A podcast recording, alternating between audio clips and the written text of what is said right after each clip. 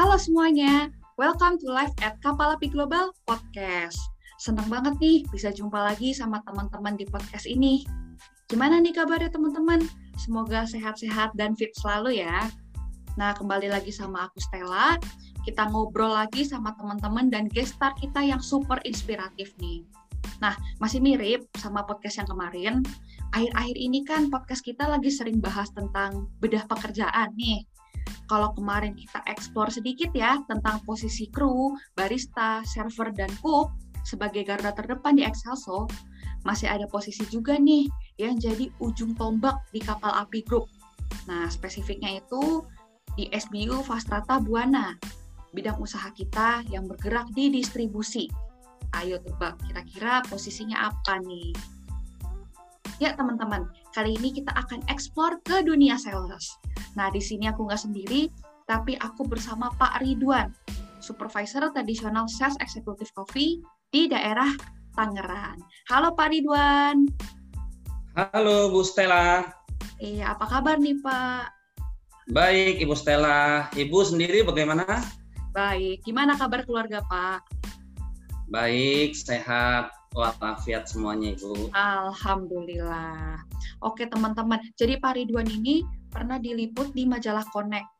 Nah, majalah Connect itu majalah internal KAG ya. Jadi Pak Ridwan itu diliput dalam rangka pencapaian salesnya yang extraordinary gitu kan. Dan tentunya di podcast ini kita akan ada banyak nilai yang bisa dipelajari dari Pak Ridwan.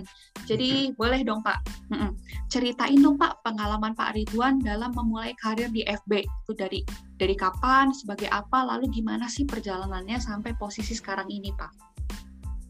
Baik, uh, saya memulai karir di PT Fastrata Buana itu adalah tanggal 1 Februari tahun 2012. Berawal dari posisi saya sebagai seorang sales motoris reguler. Ya. Dari situ saya belajar, belajar dan belajar, ya, sampai saya uh, menguasai ya menguasai area, menguasai produk knowledge, ya kan, menguasai produk-produk kita yang memiliki uh, program ya Bu ya, support program seperti itu. Contoh diskon uh, produk launching ya kan dan lain sebagainya. Dari situ saya memulai karir. Nah, seiring berjalannya waktu satu tahun saya sudah naik jabatan ke kanvas reguler ya dari situ saya mulai lagi berkarir dan di situ lebih banyak lagi varian atau produk yang dapat saya jual ya jadi kalau kanvas reguler itu adalah semua produk yang ada di gudangnya PT Fatata Buana ada di mobilnya kanvas reguler. Dari situ eh, satu tahun saya naik jabatan lagi menjadi seorang sales taking order Bifred ya Bu ya. Seperti itu ya. Nah, di situ saya banyak juga belajar karena produk-produk uh, baru kita ya pada saat itu adalah Good Day, RTD, Mochaccino, avocado, tiramisu dan lain sebagainya. Dari situ saya sekitar satu tahun sudah naik jabatan lagi ke uh, sales eksekutif kopi, Bu.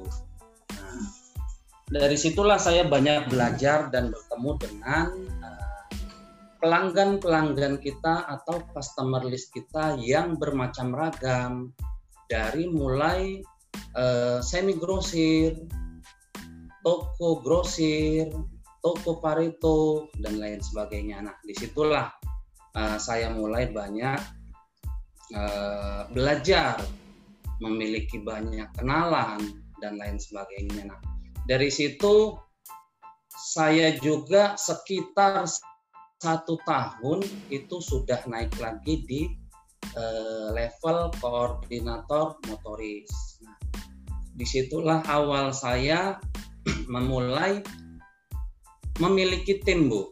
Jadi ya. tim saya pada saat itu sekitar lima orang ya bu ya. Hmm. Nah di situlah saya mulai eh, membina, membimbing, mengedukasi, memberikan semangat, memberikan motivasi kepada tim saya seperti itu. Nah, dari koordinator motoris itu, ya satu tahun setengah saya naik jabatan lagi di levelnya sales eksekutif eh, kopi ya Bu ya seperti itu sampai uh, pada saat jabatan saya sekarang ini. Itulah awal karir saya dari tanggal 1 Februari 2012 sampai dengan uh, tahun 2021 di bulan Desember ini. Wah, keren. Kita tepuk tangan dulu nih untuk Pak Ridwan ya. Maksudnya luar biasa kontribusinya di FB ya di Kapal Api Group sudah hampir 10 tahun lah ya bisa dibilang kan karena bentar lagi ganti tahun tuh ya Pak ya. Jadi nanti Februari 2022 Baik. udah anniversary 10 tahun gitu ya Pak ya dan juga kita bisa lihat ya maksudnya gigihnya Pak Ridwan ya yang sedikit-sedikit tuh posisinya selalu naik secara konsisten. Oke deh. Lalu kan untuk posisi Bapak yang sekarang kalau nggak salah itu sudah di daerah Tangerang ya di posisi Benar, supervisor Ibu. tradisional sales executive coffee. Nah itu boleh iya. diceritain gak sih Pak? Itu tugasnya apa aja sih memang di posisi itu?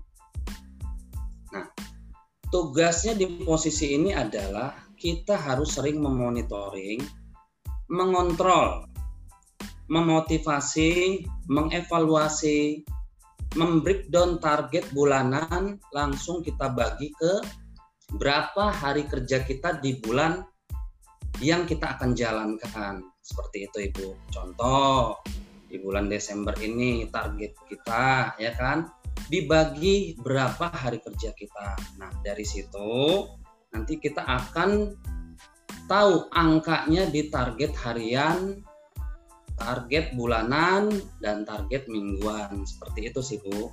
Jadi supaya apa?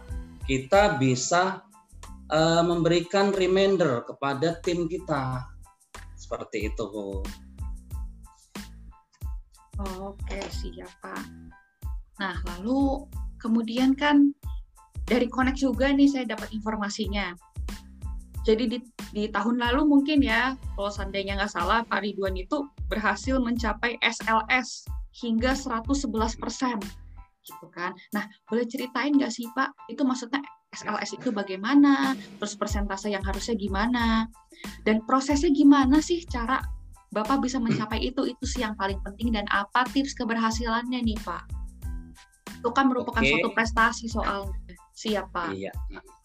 Alhamdulillah uh, di tahun 2020 saya mencapai SLS hingga 111 persen ya. Ya itu SLS apa sih tuh Pak? Ya, uh, jadi uh, saya mendapatkan omset ya Bu ya. Jadi dari target year to date saya ya kan saya melebihi daripada target sel saya ya. Uh, jadi 111 persen. Nah, apa sih yang saya lakukan? Saya biasanya melakukan membreakdown target di pagi hari kepada tim saya ya Bu ya.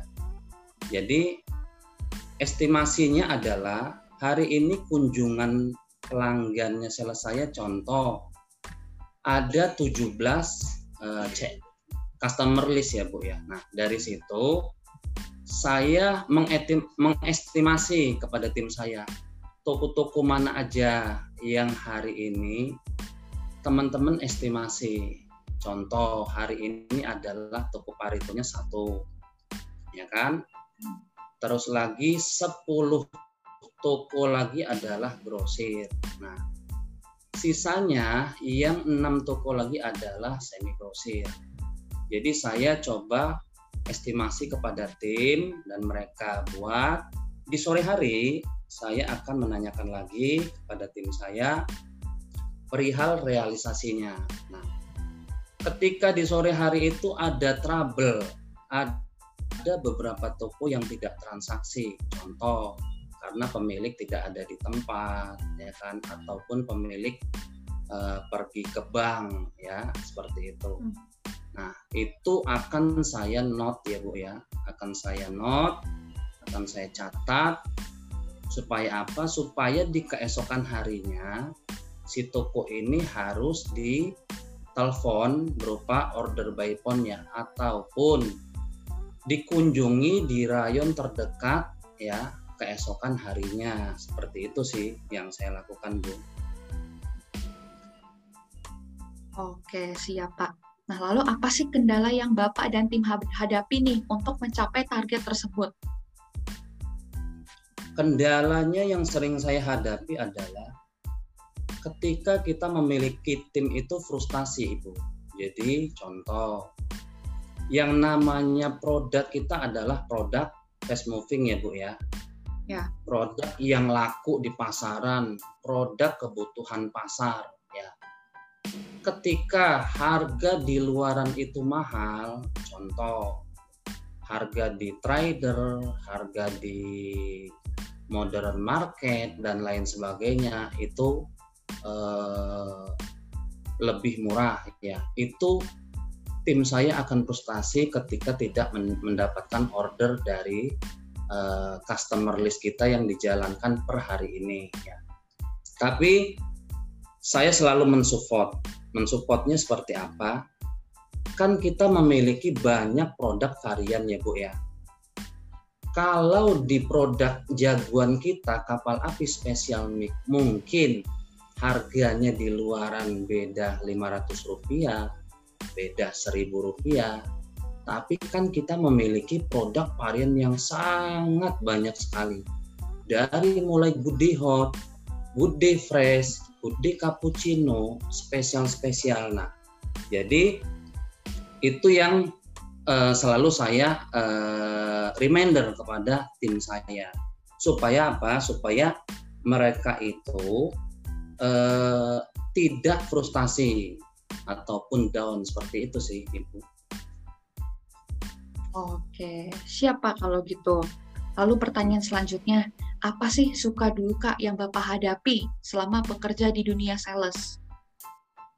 Suka dukanya, sukanya adalah ketika saya bisa membina dan membimbing tim saya untuk achieve ya Bu, Hmm. Untuk achieve setiap bulannya itu adalah merupakan kebanggaan tersendiri bagi diri saya pribadi, ya kan?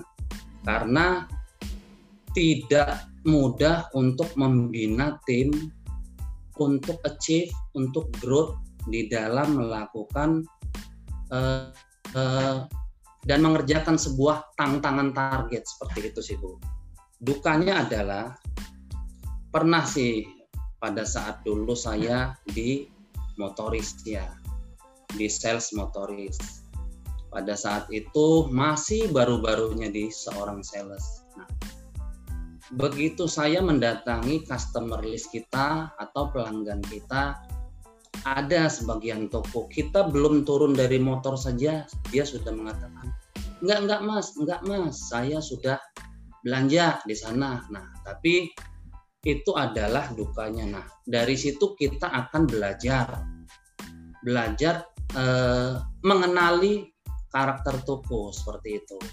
Itu dukanya sih. Jadi kita harus benar-benar mengenal toko, ya kan, mengenal karakter toko dan mengetahui kebutuhannya apa sih. Seperti itu sih, Bu Stella. Oke, Pak. Ini lalu penasaran nih, Pak, selama Bapak hampir 10 tahun di FP gitu, jadi area yang Bapak pegang tuh daerah Tangerang atau mungkin beberapa kali sempat di daerah lain, Pak? Saya kurang lebih 9 tahun atau hampir 10 tahun memegang wilayah di Tangerang, Bu. Tapi sebelumnya itu saya megang di wilayah eh, Cengkareng pada saat kanpas dulu saya kan Kalideres ya hmm. uh, Cengkareng karena sekarang Kalideres dan Cengkareng itu sudah dipegang oleh cabangnya Daan Mogot. Jadi Daan Mogot uh, pada saat itu adalah stock point dan sekarang Daan Mogot itu sudah menjadi cabang. Seperti itu saya lebih banyak di Tangerang itu. Oke kalau gitu Pak, wah berarti Pak Ridwan ini udah jadi master lah ya di daerah Tangerang, udah tahu toko ini, oh ini pemiliknya kayak gimana, karakternya kayak gimana, gitu lah ya Pak kurang lebih. Mantap, kurang Pak. lebih seperti itu sih Bu. Oke. Lalu pertanyaan selanjutnya nih, Pak Ridwan pernah nggak sih mengalami apa ya, semacam kegagalan besar atau kecil selama bekerja di bidang sales ini Pak? Oke, kegagalan besar atau kecil selama bekerja di bidang sales ya. Menurut saya pengalaman kegagalan ini adalah kegagalan kecil.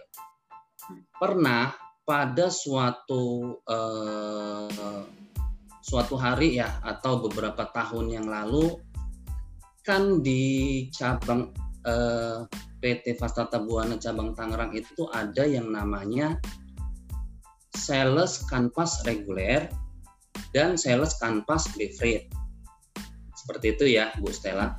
Ya. Nah, secara penjualan itu lebih enak di sales kanvas uh, reguler ya. Kenapa seperti itu? Karena di kanvas reguler itu kita menjual kopi. Ya. Pada saat itu jualan Befred itu sangat susah sekali ya karena produk kita uh, baru ada launching pertama itu adalah Good Day RTD Mochaccino Fantastic itu ya, Fantastic avocado dan tiramisu. Nah, pada saat itu kegagalan kecil itu adalah ketika saya dipindah ke uh, sales canvas befred bu. Dari yang tadinya fast moving, jualan kapal api mik, ya kan, jualan ABC susu, jualan good day hot, saya dipindah langsung ke sales canvas befred ya Nah, pada saat itu tapi saya tidak menganggap itu sebagai kegagalan ataupun kegagalan besar dan kecil lah seperti itu ataupun down ya seperti itu. Memang pada saat itu yang saya lihat di pasaran itu BFRIT kita belum besar seperti sekarang ini Bu. Masih awal-awalnya ya. Nah, itu adalah kegagalan kecil mungkin ya Bu ya, kegagalan kecil selama bekerja di bidang sales tapi itu pun tidak membuat saya putus asa. Kenapa? Ini adalah tantangan buat saya. Jualan Befrit pada saat kita awal-awal launching dahulu adalah membuka peluang. Nah, di situlah saya merasa tertantang untuk menjual produk Befrit ini dengan menjalani jabatan sebagai sales canvas Befrit seperti itu Ibu. Oke Pak, lalu pada akhirnya gimana tuh Pak kelanjutannya setelah Bapak menjalani itu semua? Kelanjutannya adalah saya membuktikan kepada ya kepada orang yang pada saat itu memindahkan saya di dari sales uh, kanvas reguler ke sales kanvas befred. Nah, itu merupakan tantangan buat saya dan saya tidak down bu. Hmm. Saya semangat saya semakin berkobar. Kenapa berkobar? Saya akan menunjukkan bahwasannya saya bisa jualan befred dari mulai good day RTD, dari mulai cincau madu, esko katsu, moni dan lain sebagainya. Nah, dari situ saya uh, awali dengan uh, kunjungan ke toko-toko pelanggannya PT Fastata Buana. Nah, dari situ saya melakukan pendekatan, ya kan, perkenalan. Sudah itu saya lihat toko ini apakah toko ini potensi untuk diberikan produk-produk kita. Ternyata dari situ saya lihat peluang karena toko ini adalah toko yang memiliki peluang untuk dibesarkan. Dari situ saya coba tawarkan produk-produk varian kita dari mulai cincau madu, bude RTD, esku katsu, eh, dan lain sebagainya. Seperti itu sih. Oke Pak. Nah itu saya saya kepo nih mau belajar dari Pak Ridwan juga gimana sih maksudnya cara mengapproach gitu atau mendekati calon konsumen kita supaya mereka mungkin lebih open gitu ya terhadap kita lebih mau berinteraksi sama kita. Gimana tuh Pak? Oke, ini berdasarkan pengalaman saya ya. Iya Pak. Pada saat itu saya uh, kunjungan ke toko uh, tersebut. Nah, saya memperkenalkan diri saya. Jadi greeting ya, menyapa. Selamat pagi Ibu. Uh, jadi bisa Ibu, Pak Haji, Bu Haji, Cici, Koko dan lain sebagainya. Ya, jadi menyapa, apa kabar? Memperkenalkan diri saya, saya adalah Ridwan. Ibu, sales, saya sales kanvas Befred. Saya dari PT Fasrata Buana. Seperti itu. Jadi memperkenalkan diri dulu. Setelah itu kita langsung menanyakan apakah ini toko Ibu A seperti itu ya. Nah, dari situ setelah kita perkenalan, apa kabar Ibu? Bagaimana sih eh, jualannya sekarang Ibu ramai? Gitu. Jadi kita selalu menanyakan seperti itu ya. Nah, dari situ baru eh, kita menanyakan produk-produk apa aja yang dijual oleh pelanggan kita ya, dari mulai produk kompetitor ataupun produk-produk FB yang sudah dijual oleh pelanggan kita tapi biasanya di situ kita akan lihat peluang. Tidak semua produk varian kita dijual oleh uh, toko, apalagi tokonya itu yang baru kita kenal karena kita baru rolling seperti itu sih, Bu uh, Stella. Nah, dari situ biasanya kita akan menanyakan kebutuhan dia, kebutuhan toko ini apa aja minumannya ya kan dari mulai minuman kopi dari mulai minuman yang segar-segar dari minuman buah eh, yang rasa buah seperti itu sih Bu Stella.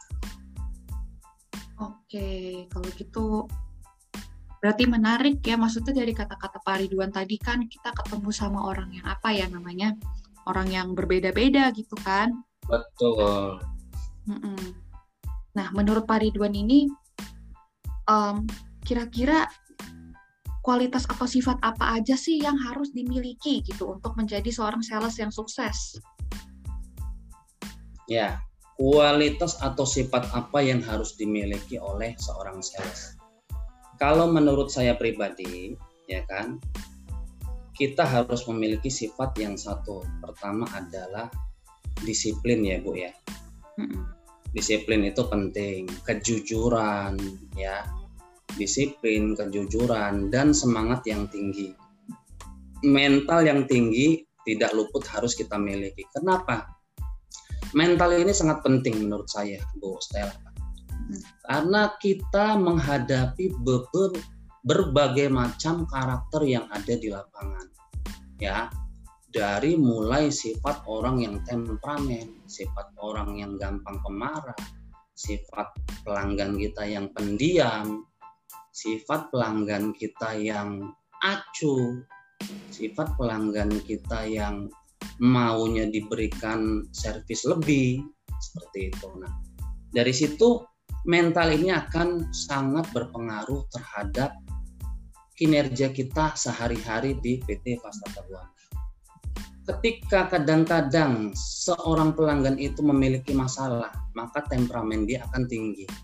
Ya, seperti itu ya. Nah, ya. dikala itu kita harus tahu ya karakter ataupun keadaan pelanggan kita seperti apa. Nah, seperti itu. Ketika dia sedang emosi, marah dan lain sebagainya. Nah, di situ kita harus bisa membawa diri ya, membawa diri supaya kita tidak memancing emosi dia. Tapi ada tantangan tertentu. Ketika emosi itu bisa kita redam, di situlah nilai plus yang dapat kita dapatkan. Nah, setelah emosinya redam, kita akan memberikan sebuah solusi pada dia. Nah, kalau solusi kita itu diterima oleh pelanggan kita, ini adalah nilai plus lagi buat kita di mata pelanggan kita seperti itu. Nah, dari situ maka hubungan baik itu akan selalu diingat oleh pelanggan kita.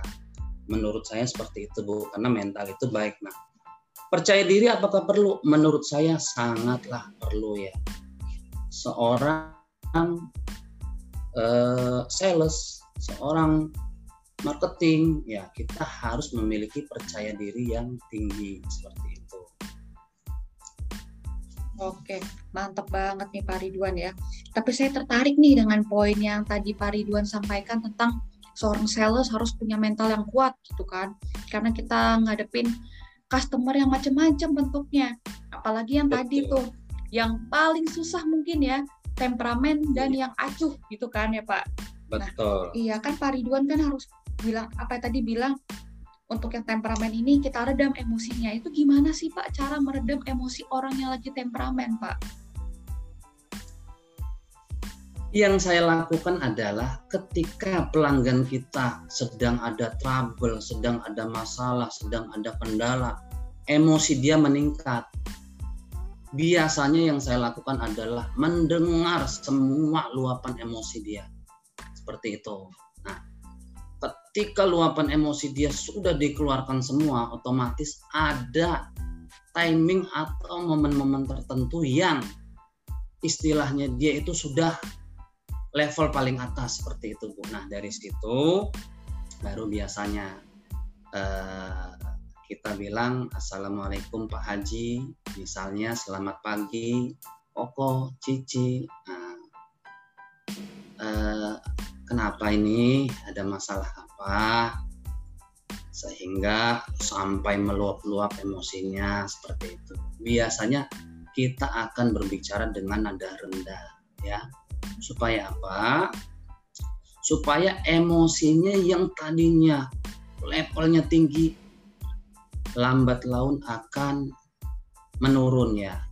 Nah, dari situ ketika kita mampu untuk mengatasi itu, lama lama lama kelamaan itu pelanggan kita itu akan sampai di titik yang mana titik puncaknya dia emosi nah dari situlah kita masuk masuk ke timing yang itu untuk meredam. Nah sebenarnya ada apa? Gini gini gini gini gini pusing pak. Jualan sepi harga-harga pada naik terus seperti ini. Ada lagi dari mana-mana mana-mana mancing emosi. Nah dari situ kita masuk sabar.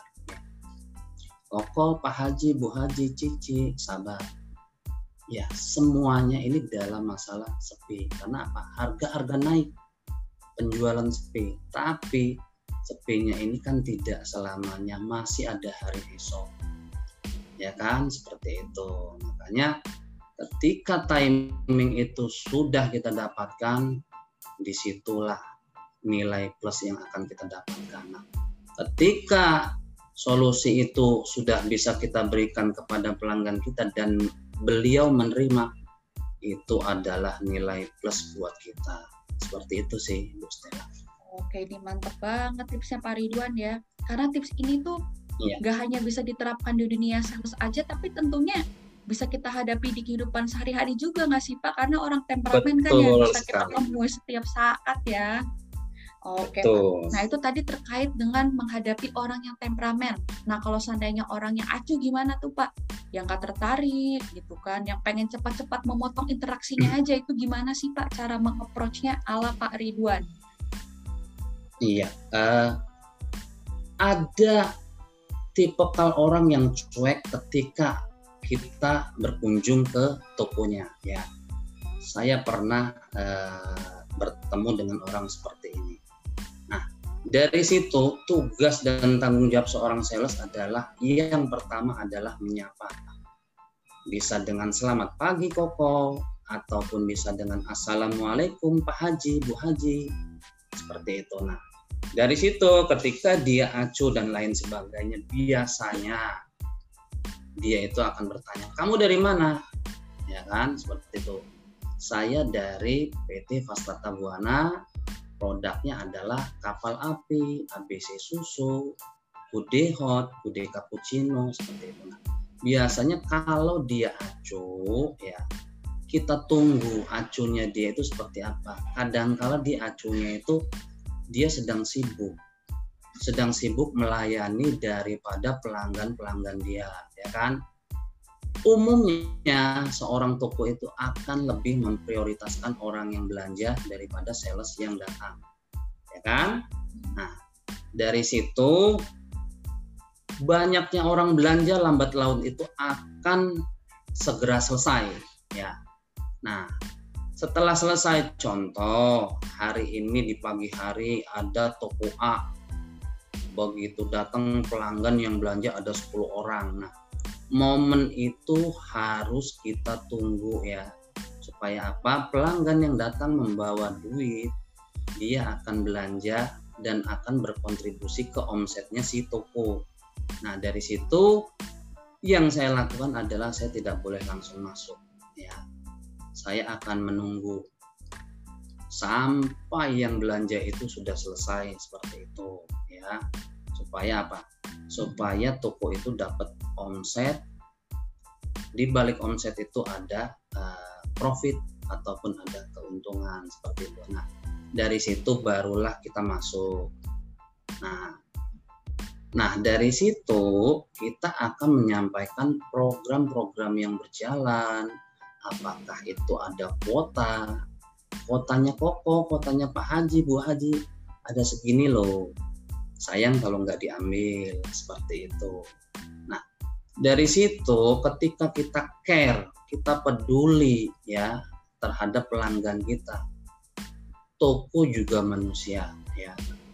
Dia lambat laun walaupun dia cuek menurut saya kalau kita care kita peduli need and want apakah keperluan dan keinginan dia itu kita penuhi semaksimal mungkin yang bisa kita lakukan lambat laun sifat acu tak acu dia akan berubah menjadi sifat yang care ataupun peduli seperti itu Bu Stella. Oke mantep Pak. Nah untuk menjalani tips itu menghadapi si orang acuh tak acuh itu cukup dengan sekali datang atau memang perlu pendekatan yang berkali-kali Pak supaya mereka bisa luluh? Itu ada level-levelnya, jadi tergantung dari level si tipikal uh, pelanggan tersebut ya.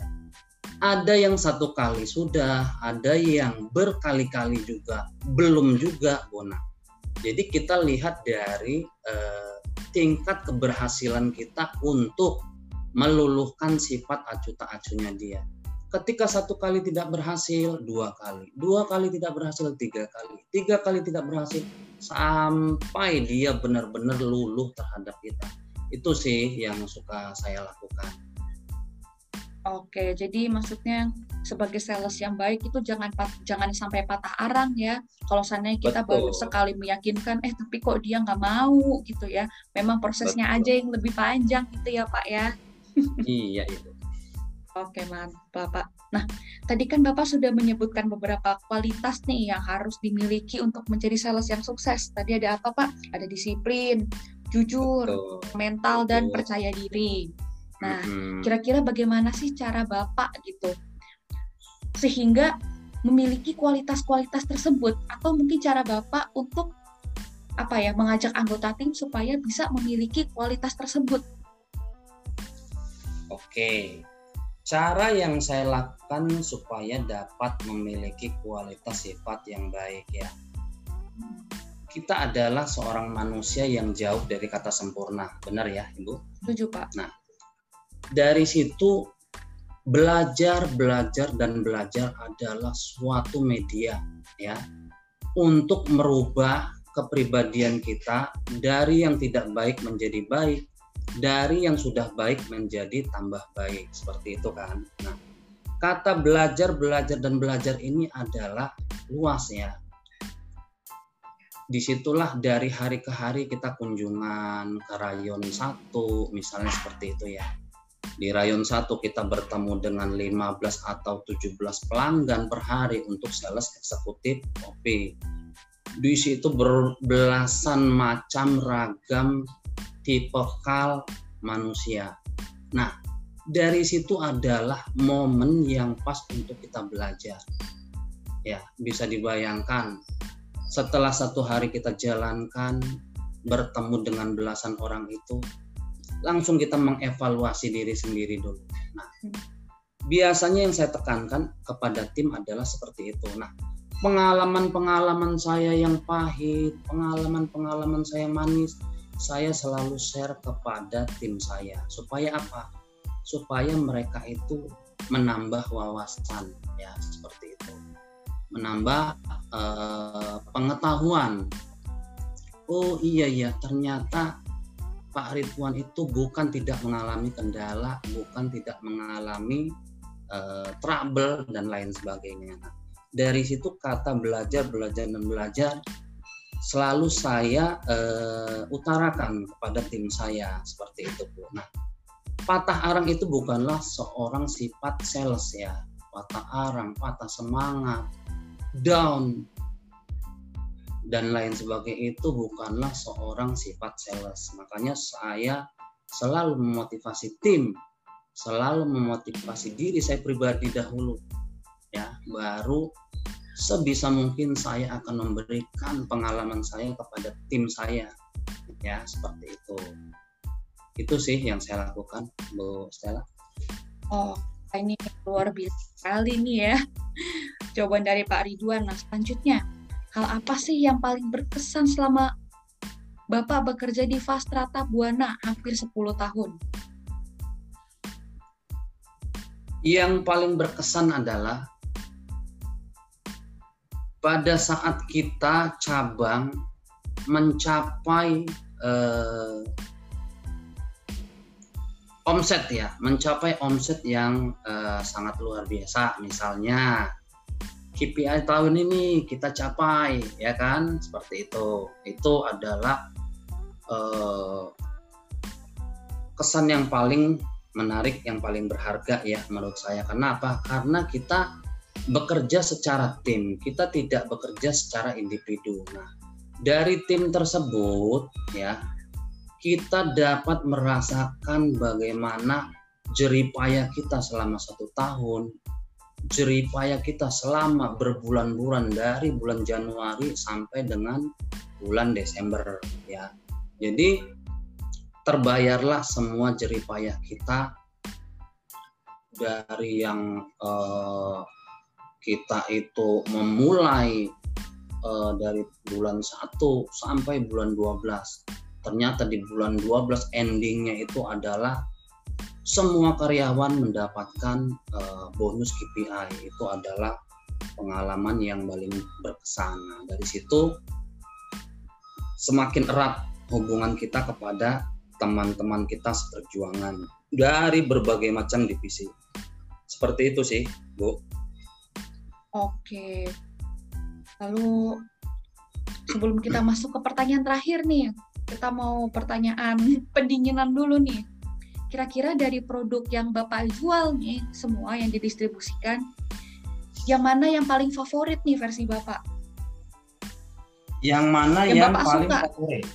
Iya, yang Bapak Di suka. produk kopinya kita ya, Ibu? Iya dong, Pak. Iya. Di produk kopinya kita itu yang paling favorit itu banyak sih yang favorit, mm -hmm. tapi yang paling favorit adalah uh, kapal api Special Milk dan Good Day Mochaccino. Mantap Pak. Ini Bapak minum tiap hari nih Pak, pagi-pagi. Ya. Kalau Mantap. yang untuk special mix saya minum tiap hari, kalau yang Good Day Mochaccino mungkin dua hari sekali.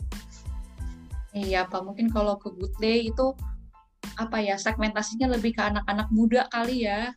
Betul. Iya, karena jadi saya zaman-zaman saya sekolah muda. nih Pak. Widih. iya nih Pak, nih kalau seandainya ya balik ke masa-masa sekolah dulu gitu. Aduh, itu abis hmm. jam olahraga enak banget Pak minum good day gitu kan dicampur keju, mese. Kalau favorit Luar saya biasa. sih yang biru tua Pak, rasa Karibian. Karibian, yes, iya. alright. Mantap. Oke. Okay. Ya. ya, kita lanjut ke pertanyaan terakhir nih. Apa sih ya. pesan ya. Pak Ridwan untuk teman-teman muda yang mau menempuh karir di dunia sales dan teman-teman seperjuangan Bapak sesama sales? Oke, ya. Jadi pesan saya kepada teman-teman muda yang baru atau mau menempuh karir di dunia sales ya tetaplah berjuang tetaplah semangat tetaplah disiplin ya. Karena dunia sales itu adalah dunia yang menjanjikan menurut saya. Kenapa seperti itu? Karena di seluruh dunia ini ada barang yang harus dijual. Siapakah yang menjual? Mayoritas adalah seorang sales. Itu hampir rata-rata di seluruh pelosok dunia ada barang yang harus dijual. Makanya itu adalah e, mayoritas yang jual adalah sales. Dan buat teman-teman seperjuangan saya, tetaplah berkarir, tetaplah disiplin, tetaplah semangat yang tinggi, pantang menyerah, ulet, dan tidak mudah putus asa. Seperti itu sih Ibu Stella. Oke, mantap banget ya. Setuju banget sama Pak Ridwan kalau seandainya posisi sales, posisi marketing itu posisi yang sangat krusial dalam perusahaan gitu ya. Sebagus apa pun produknya, tapi kurang apa ya? tidak ada yang menjual gitu. Wah gimana jadinya? Gitu kan. Jadi sangat prospektif juga untuk masa depan. Oke okay banget jadi so terima kasih banyak nih Pak Ridwan sudah meluangkan waktu nih untuk menginspirasi kita semua termasuk saya dan teman-teman pendengar Terima kasih banyak nih Pak Ridwan meluangkan waktu ya di tengah-tengah kesibukannya di akhir tahun gitu kan. Saya yakin ini pasti banyak apa ya membawa inspirasi bagi teman-teman yang mendengarkan dan terima kasih juga untuk teman-teman yang mendengarkan podcast ini dari awal sampai akhir. Sampai jumpa di episode selanjutnya yang gak kalah asik. Dan spoilernya nanti podcast kita yang selanjutnya masih tentang bedah pekerjaan loh. Oke, terima kasih ya Pak Ridwan ya. Terima kasih Bu Stella dan teman-teman semua. Oke, kalau itu selamat beraktivitas kembali dan dadah semuanya. You